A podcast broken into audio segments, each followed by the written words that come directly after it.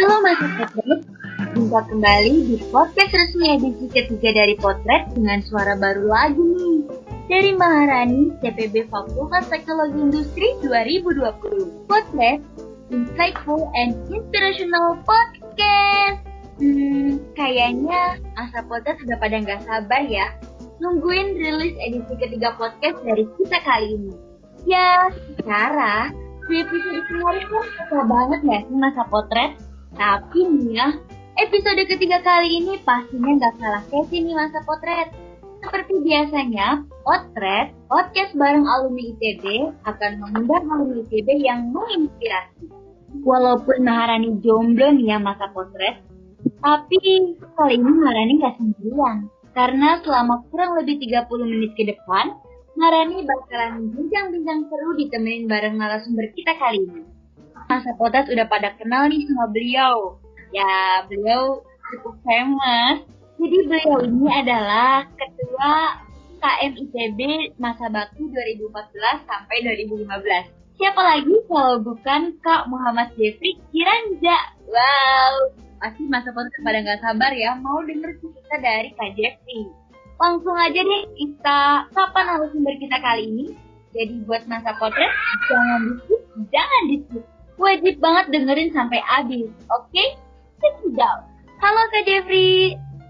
Halo Marani, halo masa podcast potret. Hampir salah jemputnya. Iya ya kak. Uh, kak Jeffrey, gimana nih kabarnya? Alhamdulillah baik. Marani gimana sehat? Sehat kak Alhamdulillah. Meskipun di tengah pandemi, di tengah kesibukan harus tetap semangat ya kak Jeffrey. Setuju, setuju. Perlu banget ya. Uh, uh, bener banget. Kak Jeffrey, Hmm. sebelum kita mulai ngobrol-ngobrol nih, Kak Jeffrey pasti udah tahu dong pepatah yang ngomong kayak gini. Tak kenal maka tak sayang. Iya, iya. Oleh karena itu, boleh dong Mas Apotret kenalan dulu sama Kak Jeffrey. Biar Boleh, makin sayang gitu. Boleh, boleh, boleh. Saya kenalan dulu nih. ya, silakan Kak Jeffrey.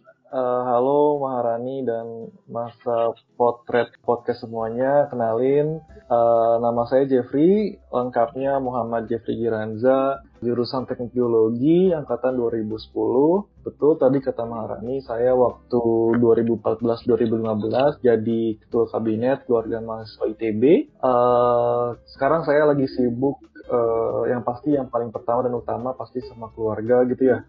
Terus yang kedua sekarang juga saya eh, kerja, saya kerja di eh, sebagai konsultan di Ska Consulting, sebuah perusahaan konsultan manajemen strategi di Indonesia. Lalu yang ketiga juga sekarang saya sedang menyibukkan diri di Ikatan Alumni ITB, eh, suatu wadah organisasi. Kalau nanti Maharani sama teman-teman lain udah lulus, nanti eh, bakal masuk ke Ikatan Alumni ITB. Nah, kebetulan sekarang saya jadi sedang jadi ketua pemilu ketua Ikatan Alumni ITB. Dan kebetulan lagi sekarang sedang periode pendaftaran calon ketua umum. Jadi kalau Maharani mau calon mungkin atau mungkin kakaknya atau ayahnya mau nyalon boleh banget gitu. Aku mau nyalon Kak. Nyalon nyalon ke mana nih? Nyalon ke salon. Ah, aku baru tahu sih ternyata Kak Jeffrey udah berkeluarga guys. Jadi kita tidak boleh sayang-sayangan sama Kak Jeffrey. Kak Jeffrey, Ya.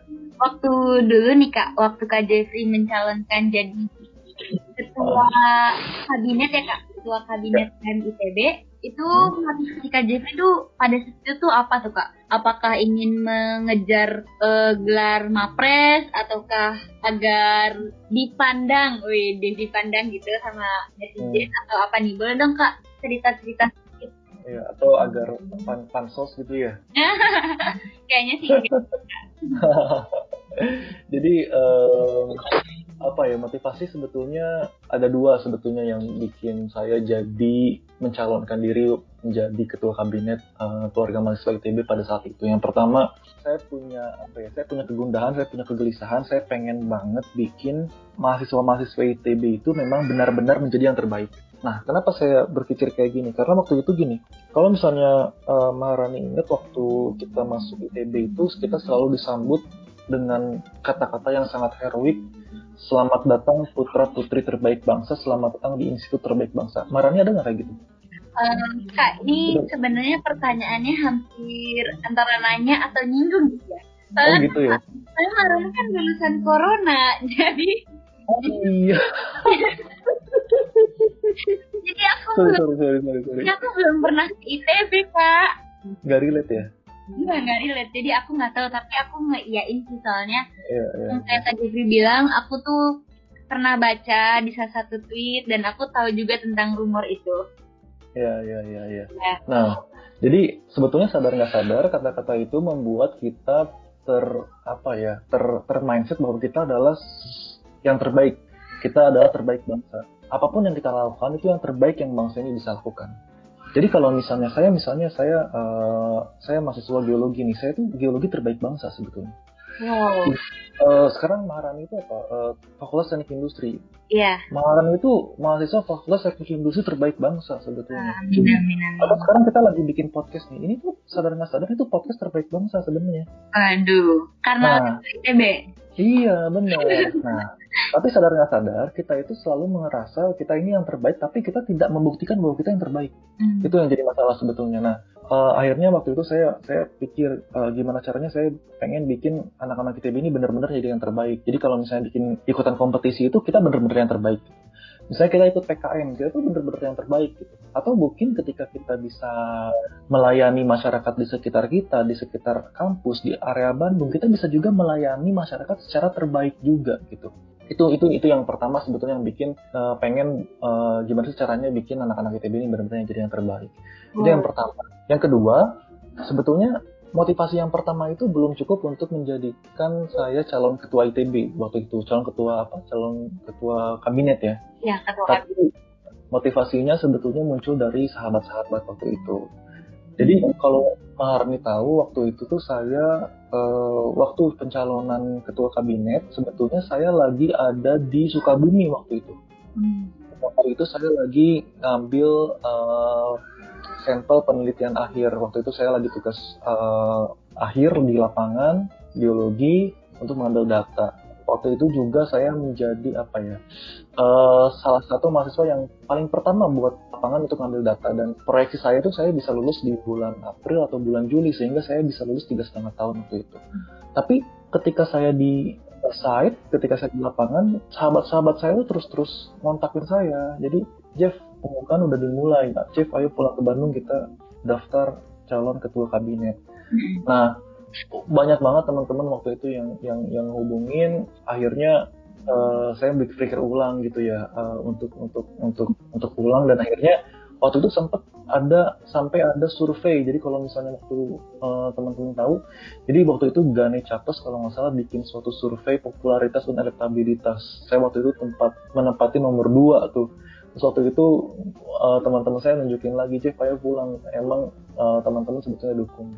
Hmm. Nah, akhirnya setelah semakin banyak uh, dukungan-dukungan dari teman-teman, dari sahabat-sahabat, akhirnya saya pulang ke Bandung dan akhirnya saya memantapkan diri untuk menjadi calon ketua kabinet keluarga mahasiswa ITB saat itu. Oh. Itu sih. Tapi bersyukur banget nggak sih kak kita hidup, hmm. uh, masa Kak Jeffrey hidup di lingkungan yang teman-temannya benar-benar nge-support gitu.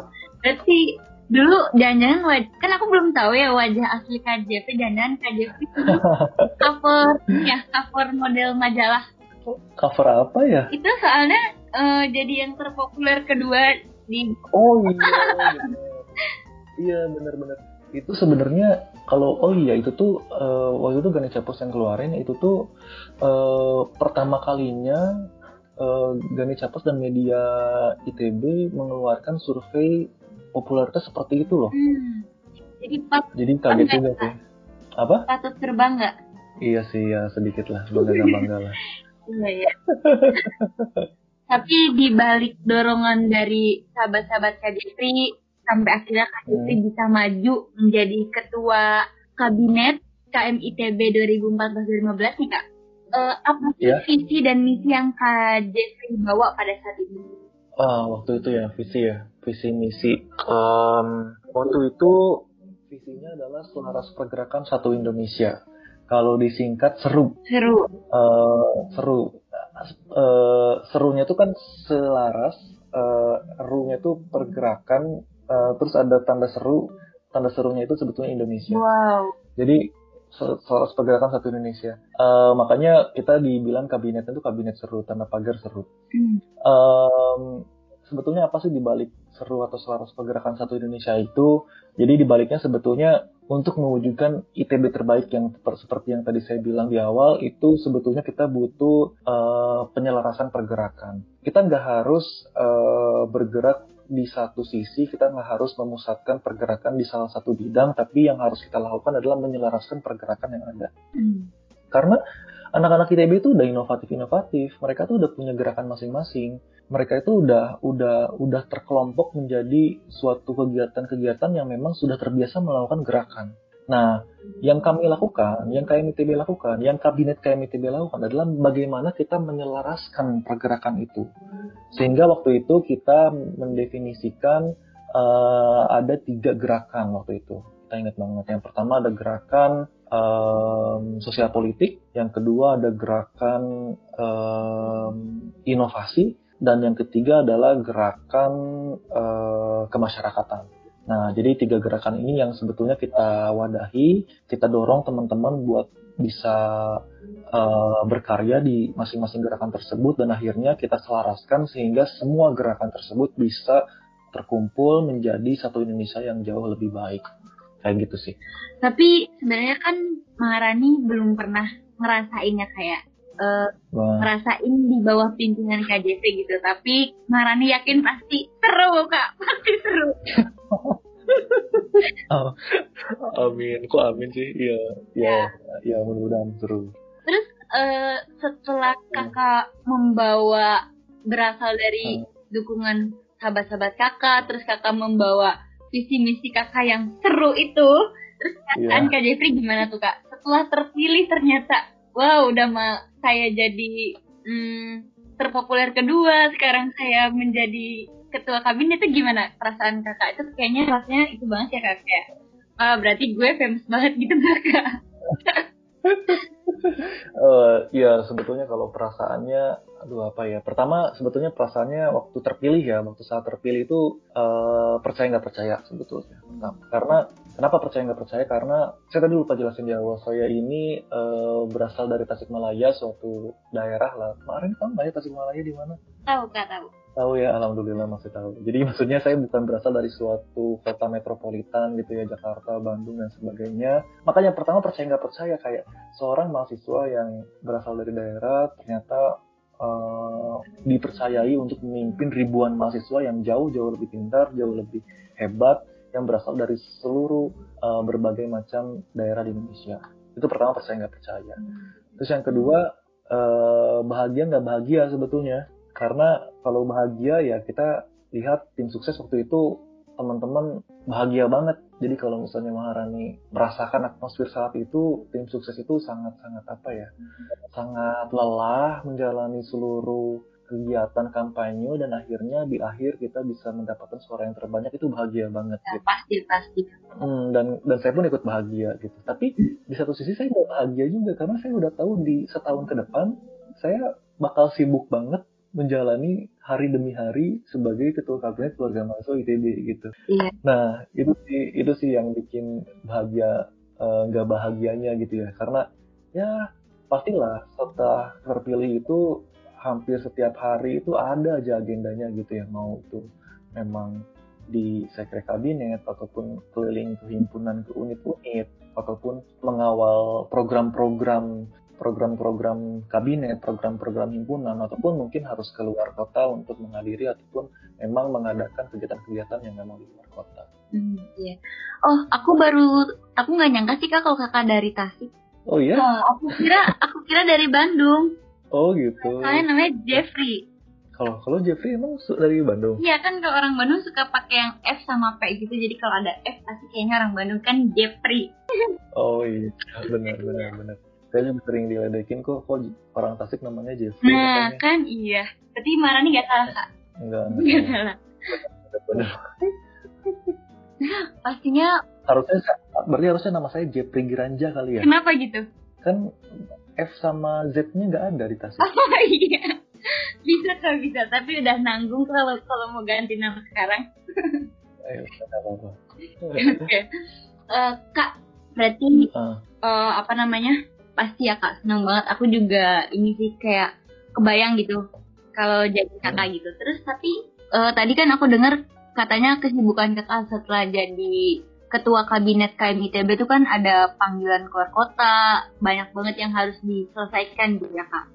Ya Nah itu kan pasti beriringan gitu ya kak dengan masa perkuliahan kakak. Nah itu kira-kira tuh suka ada banyak tekanan gak sih kak? Maksud aku kayak gimana sih cara kakak manage waktu kakak antara akademik dan posisi kakak gitu kedudukan kakak di ketua kabinet itu. Terus gimana cara kakak menyikapi tuh para netizen netizen? Pasti kan ya kak netizen. Iya iya iya. Ya sebetulnya uh, banyak banget yang pasti tekanan ya. Hmm. Terutama kalau yang tadi Maharani sebutin akademik itu bener banget sebetulnya. Uh, cuman alhamdulillahnya waktu itu uh, akademik uh, tidak terlalu menjadi kendala utama karena saat itu saya sudah menyelesaikan seluruh masa perkuliahan. Wow. Jadi jadi jadi alhamdulillah semester tu eh semester 7 ya semester 7 itu saya sudah selesai kuliah semua sehingga pas semester 8 itu saya menyisakan tugas akhir saja. Oh, jadi maksudnya SKS-nya udah habis ya, Kak? Bener, SKS-nya udah habis. Keren sih. Nah, terus habis uh, sebelum saya nyalon kan saya tadi udah cerita juga tuh uh, saya lagi ngambil data lapangan. Iya. Nah, jadi ketika saya pulang ke Bandung, saya tinggal mengolah data-data tersebut menjadi suatu uh, analisa yang akan dijadikan tugas akhir. Hmm. Jadi sebetulnya kalau dari sisi akademik ya kurang lebih tidak banyak masalah lah. Tapi sebetulnya yang jadi masalah itu uh, waktu menyelesaikan akademiknya. Oh iya. Uh, karena karena mungkin Maharani juga tahu ya jadi untuk menjadi ketua kabinet itu minimal ya sekitar lima tahun lah empat setengah sampai lima tahun lah minimal itu harus harus harus berkuliah di ITB gitu ya hmm. padahal tadi saya cerita juga saya sebetulnya uh, pengen banget bisa menyelesaikan secepat mungkin kalau bisa tiga setengah tahun atau mungkin eh, empat uh, tahun gitu ya karena uh, saya udah janji juga ke orang tua saya harus segera juga nyelesain karena waktu saya bilang saya mau maju lagi menjadi kabinet sebetulnya ketua kabinet awalnya juga agak agak kurang disetujui karena waktu itu sebelumnya saya jadi ketua himpunan juga di geologi ITB dan waktu itu super sibuk banget uh, beberapa kegiatan akademik ataupun keluarga juga agak terhambat meskipun tidak tidak tidak parah ya maksudnya tetap tetap tetap on the track gitu ya. Akhirnya saya agak di tidak diperbolehkan lah waktu itu tapi akhirnya setelah negosiasi lagi ngobrol lagi akhirnya dibolehin. Meskipun agak agak sedih juga karena saya inget banget sampai-sampai di akhir ketika saya mau lulus di wisuda saya saya waktu itu ditunjuk sama ITB jadi salah satu perwakilan untuk graduation speech. Hmm. Saat itu saya jadi uh, orang yang bicara di depan publik di seluruh wisudawan, di seluruh, di seluruh petinggi-petinggi ITB, rektor ITB, saya uh, sambutan dan saya waktu itu di depan uh, semua orang minta maaf terutama kepada orang tua saya bahwa saya lulus harus lebih dari empat setengah tahun bahkan sampai hampir lima tahun. Uh, tapi uh, saya bilang ke orang tua saya bahwa saya uh, tidak akan menyia-nyiakan kesempatan ini dan saya berjanji saya akan jauh lebih baik ketika saya menyelesaikan masa studi hampir lima tahun. Dan orang-orang bergemuruh orang-orang tepuk tangan ayah saya ibu saya disuruh berdiri oleh rektor dan ayah saya ibu saya menangis dan saya waktu itu sedih banget dan ya mudah-mudahan semua pengorbanan ini bisa terjawab lah di kemudian hari. Gitu sih. Iya benar-benar. Oh jadi dulu sempat nggak diizinin ya kak sama orang tua? Berarti tekanan hmm. dari internal berarti ya kak? Iya sebetulnya hampir kebanyakan itu sih. Oh iya iya. Tapi memang sih ya kak manusia tuh hanya bisa berencana tapi takdir Tuhan yang menentukan. Tapi Setuju. aku dengar dengar nih ya kak. Uh -uh. walaupun kakak tadi cerita katanya lulus S1-nya bisa dibilang ngaret gitu. Dan pasti udah banyak nyinyiran dari netizen ya. Iya sih harus aja di organisasi gitu. Jadi akademiknya terbengkalai. Tapi aku dengar dengar yeah. uh, kakak ini S2 nya di luar negeri ya? Iya betul. Wah, ya, keren betul. banget sih. Emang bakalan selalu ada pelangi setelah hujan. Iya. Iya benar. Mungkin cerita dikit juga. Jadi waktu itu uh, abis saya lulus S1 saya langsung mengajukan diri untuk uh, kuliah S2 waktu itu saya ngajuin di uh, University of Dundee di Scotland ngambil studi energy economics dan alhamdulillah selain saya diterima di kampusnya saya juga diterima di beasiswanya. Jadi uh, alhamdulillah saya dapat beasiswa LPDP dari lembaga pengelola dana pendidikan Kementerian Keuangan. Uh, dan mungkin uh, salah satu pertimbangan dari LPDP juga karena mungkin saya juga sudah melakukan banyak hal juga di kabinet KMITB selama menjadi mahasiswa gitu. Mungkin jadi salah satu pertimbangan. Meskipun sebetulnya jujur waktu saya mencalonkan diri menjadi ketua kabinet, saya nggak pernah kepikiran sama sekali gitu ya. Kayak saya jadi ketua kabinet, soalnya saya pengen nanti jadi uh, menerima beasiswa. Saya nggak pernah kepikiran kayak gitu. Atau mungkin saya jadi ketua kabinet supaya nanti saya dapat gampang pekerjaan. Saya nggak nggak pernah kepikiran. Tapi ternyata memang tanpa disadari, ketika kita berbuat baik, uh, ketika kita be, apa ya bekerja bersama mahasiswa-mahasiswa lain untuk mewujudkan sesuatu yang baik itu akan mendapatkan hal yang baik pula nanti di akhir. Berarti itu sih yang saya. Setuju, benar banget. Benar banget. Tapi keren banget sih ini Kak Jeffrey, aku yakin imba banget deh kayaknya. Soalnya akademiknya jalan, organisasinya jalan, koneksinya jalan, wah mantep dah. Iya. Kak, tapi tuh ya kak, aku tuh pernah baca gitu ya kak di suatu artikel.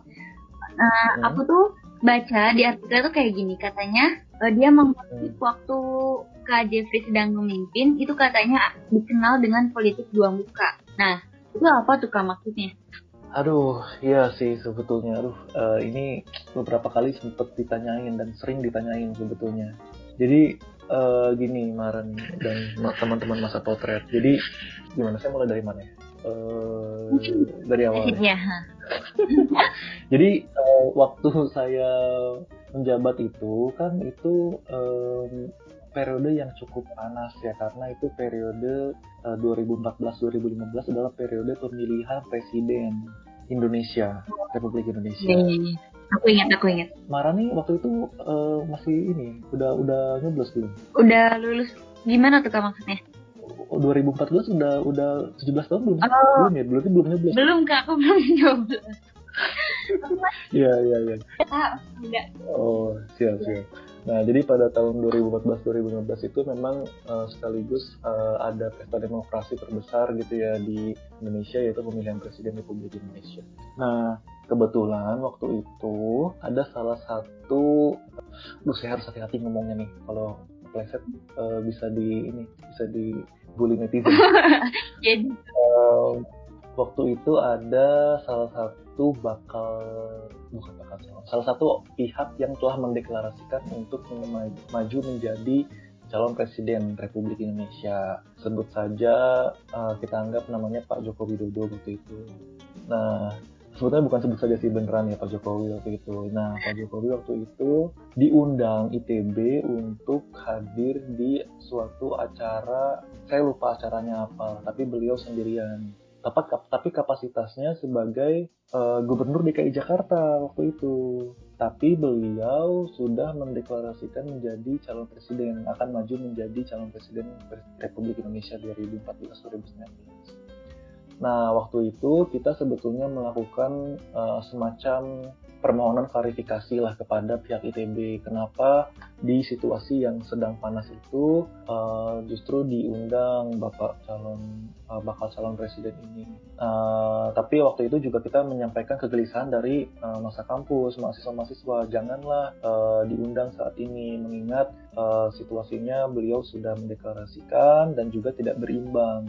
Dan ada kemungkinan-kemungkinan nanti ITB baik itu mahasiswanya ataupun rektoratnya di um, apa ya semacam dikutip lah atau semacam diklaim lah oleh media bahwa ITB mendukung salah satu calon. Itu sebetulnya yang kita pengen hindari. Nah tapi akhirnya mediasinya waktu itu belum berhasil sehingga pada hari H uh, beliau tetap datang ke ITB nah akhirnya karena memang mahasiswa ITB juga sudah sudah apa ya sudah cukup panas juga akhirnya terjadilah semacam apa ya semacam uh, demonstrasi lah demonstrasi untuk menolak uh, politisasi kampus. Sebetulnya kita menolak politik praktis di kampus gitu. Apalagi dengan adanya uh, salah satu salah satu pihak yang datang saja gitu. Nah, akhirnya waktu itu sampai tidak jadi uh, Pak Jokowi mau memberikan uh, semacam apa ya semacam sambutan atau semacam kuliahnya lah. Akhirnya balik kanan bubar jalan gitu. Nah cuman waktu itu setelah uh, kejadian tersebut itu teman-teman dari kelompok lain mengundang uh, pihak lain lagi untuk datang. Ada waktu itu mengundang Pak Anies Mata sama Pak Hatta Rajasa. Sehingga makin panas lagi lah wah ini udah banyak muka lah JP ini nggak tahu nih dukung siapa nih nggak tahu dukung Jokowi dukung Anies Mata dukung Hatta Rajasa gitu ya nah tapi akhirnya kita klarifikasi semuanya bahwa kita menolak untuk adanya politik praktis di kampus. Jadi kita tidak memperbolehkan sama sekali adanya kampanye, apalagi kampanyenya satu kandidat saja. Akhirnya setelah itu kita melakukan undangan terbuka, silahkan untuk uh, kedua pasangan calon hadir di ITB untuk memberikan gagasannya dan tanya jawab dengan mahasiswa ITB. Alhamdulillah waktu itu setelah itu meskipun calonnya tidak hadir tapi pentolan-pentolan tim khususnya hadir dan terjadi dialog yang sangat-sangat konstruktif antara pasangan calon dan juga dengan mahasiswa-mahasiswa ITB. Hmm. Seperti itu sih. Jadi bisa dibilang kayak kakak jadi kambing hitamnya gitu ya. Padahal sebenarnya kakak yang udah nggak menyetujui hal itu terjadi gitu ya kak. Iya benar, benar banget. Hmm. Dan zaman itu memang wah bener. Uh, mungkin tadi saya bilang tekanannya banyak di internal ya Maharani ya. Nah kalau yang pas zaman ini, pas kegiatan ini sebetulnya tekanannya banyak banget dari eksternal alumni ini alumni itu wah banyak banget yang menghubungi untuk bisa menghadirkan uh, bapak ini bapak itu di ITB gitu. Oke kak pasti banyak banget ya kak tantangannya waktu kakak sedang memimpin. Nah apa aja sih kak tantangan terbesar uh, pada saat periode kepemimpinan kak Jeffrey? Um, tantangan terbesar sebetulnya kalau dari eksternal yang tadi ya yang saya sebutin ya jadi tekanan politik dari luar terutama terkait dengan uh, seperti semacam uh, mengarahkan dukungan ke salah satu calon gitu ya itu pasti tantangan yang selalu muncul. Tapi uh, di luar itu yang pasti ada tantangan di internal juga gitu ya. Kalau tantangan internal waktu zaman saya ya sebetulnya standar-standar saja sih kayaknya nggak ada bedanya sama yang periode lain. Yang pertama ya himpunan pasti punya ego masing-masing jadi apa ya seperti punya dunia sendiri lah kayak kadang-kadang untuk bikin suatu gerakan yang selaras antar himpunan atau dalam suatu keluarga mahasiswa itu agak sulit karena egonya sangat tinggi itu yang pertama Terus yang kedua mungkin tantangan juga kita nggak punya musuh bersama jadi kalau zaman dulu mungkin waktu sebelum 98 tantangan terbesarnya adalah bagaimana caranya untuk me, apa, meruntuhkan orde baru mungkin kita sehingga sehingga waktu itu punya musuh bersama. Tapi waktu zaman saya nggak ada dan mungkin zaman sekarang juga nggak ada. Lalu yang ketiga tantangannya ini, oh iya, jadi tantangan terakhir mungkin um, anak-anak ITB itu kalau saya lihat sebetulnya mayoritas uh, apa ya mayoritas uh, secara ekonomi berkecukupan lah atau mungkin bisa saya bilang menengah ke atas.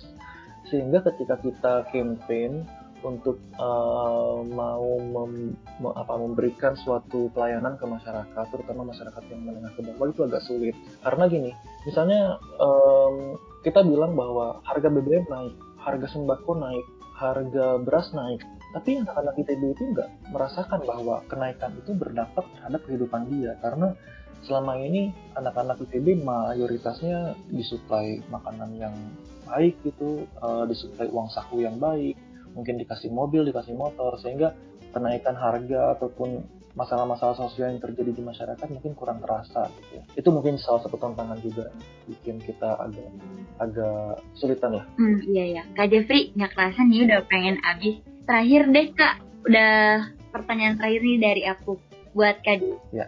uh, kak Jeffrey kira-kira ada pesan dan kesan atau kritik masukan nggak buat pengurus KMITB pada periode tahun ini dan buat kita-kita juga nih yang lagi bertugas beserta calon-calon masa kampus juga yang akan bermagang di KMITB meneruskan tonggak kepemimpinan.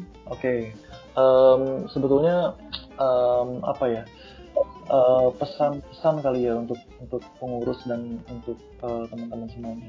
Um, uh, saya saya apa ya saya saya uh, salut banget sebetulnya dengan apa yang teman-teman lakuin karena situasi sekarang itu jauh beda banget dengan situasi sama saat saya zaman dulu. Situasi yang sekarang ini, apalagi tadi saya dengar Maharani yang OSM-nya aja mungkin udah beda lagi ya waktu itu ya. Jadi uh, keadaan pandemi dan new normal itu bikin semuanya sangat-sangat berubah, teknologi yang semakin mutakhir, smartphone yang juga semakin canggih dan sekarang uh, kehidupan sosial semakin uh, jauh lebih dalam lah daripada yang sebelumnya. Dan ini tentunya berdampak pada kegiatan-kegiatan kemahasiswaan. Nah, pesan saya adalah bagaimana teman-teman bisa mengolah seluruh uh, seluruh perubahan sosial itu menjadi suatu kekuatan. Jangan sampai kita cuma menjadi kalau istilahnya dulu kita bilang klik aktivis dan keyboard warrior gitu. Jadi kita harus juga bisa memanfaatkan teknologi tersebut menjadi sesuatu yang memang kita bisa berikan uh, sumbangsinya kepada masyarakat. Tidak hanya uh, hanya cuap-cuap saja tapi juga tindakan. Nah, selain itu juga uh, mungkin untuk teman-teman yang lain yang uh, masih sedang dalam masa kuliahan mungkin ada tiga hal yang teman-teman ya harus tetap kejar jadi teman-teman jangan cuma ngejar knowledge aja mungkin kalau knowledge bisa didapetin di kuliah di bangku kuliah di pelajaran di akademik tapi dua hal lain yang harus dikejar adalah yang kedua skill yang ketiga network jadi tiga pilar ini harus seiring harus seiring, harus bersama dikejar teman-teman sehingga nanti ketika selesai dari ITB keluar itu bisa benar-benar kontribusi secara maksimal baik itu untuk diri sendiri, untuk keluarga ataupun untuk masyarakat. Uh, Mungkin itu kali ya, kan ya. Iya keren, bermanfaat banget kak ini. Uh, Oke, okay. amin amin amin. Gak kerasa banget nggak sih kak David? Ternyata udah setengah jam nih kita bincang-bincang bareng masa potret. Oh iya ya, udah setengah jam. Ya? Setengah jam kak David. Jadi oh. mau review sedikit nih kak David sebelum kita mengakhiri perbincangan kita kali ini. Boleh boleh kalau dari yang aku tangkap dari perbincangan tadi, apa pun masalahnya, bagaimanapun keadaannya, mau e, mau gimana pun latar belakang kita, selagi ada kemauan dan ada semangat, harus tetap maju untuk memperjuangkan masa depan. Namun, uh, apa yang kita lakukan harus berlandaskan dengan niat dan keikhlasan hati kita. Biarkan kebaikan kita semua dibalas oleh Allah Subhanahu wa taala dan tetap semangat untuk meraih masa depan dan terapkan tiga pilar dari Kak Jeffrey, insya Allah berkah dunia dan akhirat. amin. amin, amin, amin. Ya. Uh, Marani sebelumnya mau ngucapin terima kasih banyak atas waktu yang Kak Jeffrey luangkan untuk masa potret. Semoga masa potret nanti bisa ketemu di lain kesempatan sama Kak Jeffrey. Semoga Marani juga bisa bincang-bincang secara offline bareng sama Kak Jeffrey. Amin, amin, amin. Makasih banyak juga ya Maharani dan masa potret lainnya ya. Semoga apa yang kita sampaikan ini benar-benar bermanfaat ya untuk masa potret semuanya ya. Amin, amin. Maharani dan seluruh kru yang bertugas kali ini juga pamit undur diri. Mohon maaf apabila ada salah kata karena kesempurnaan hanya dari Tuhan semesta. Pokoknya buat masa potret pantengin terus sosial media dari RKM ITB biar nggak ketinggalan nih episode-episode selanjutnya yang pasti makin ger. Kece parah buat kalian yang udah nggak sabar nih kira-kira nanti selanjutnya um, siapa lagi ya narasumbernya? Nah pantengin terus ya sosial media kami. Terima kasih lagi buat Kak atas waktunya wassalamualaikum warahmatullahi wabarakatuh. Keep safety and stay at home. Masa potret? Potret insightful and inspirational podcast. See you and bye bye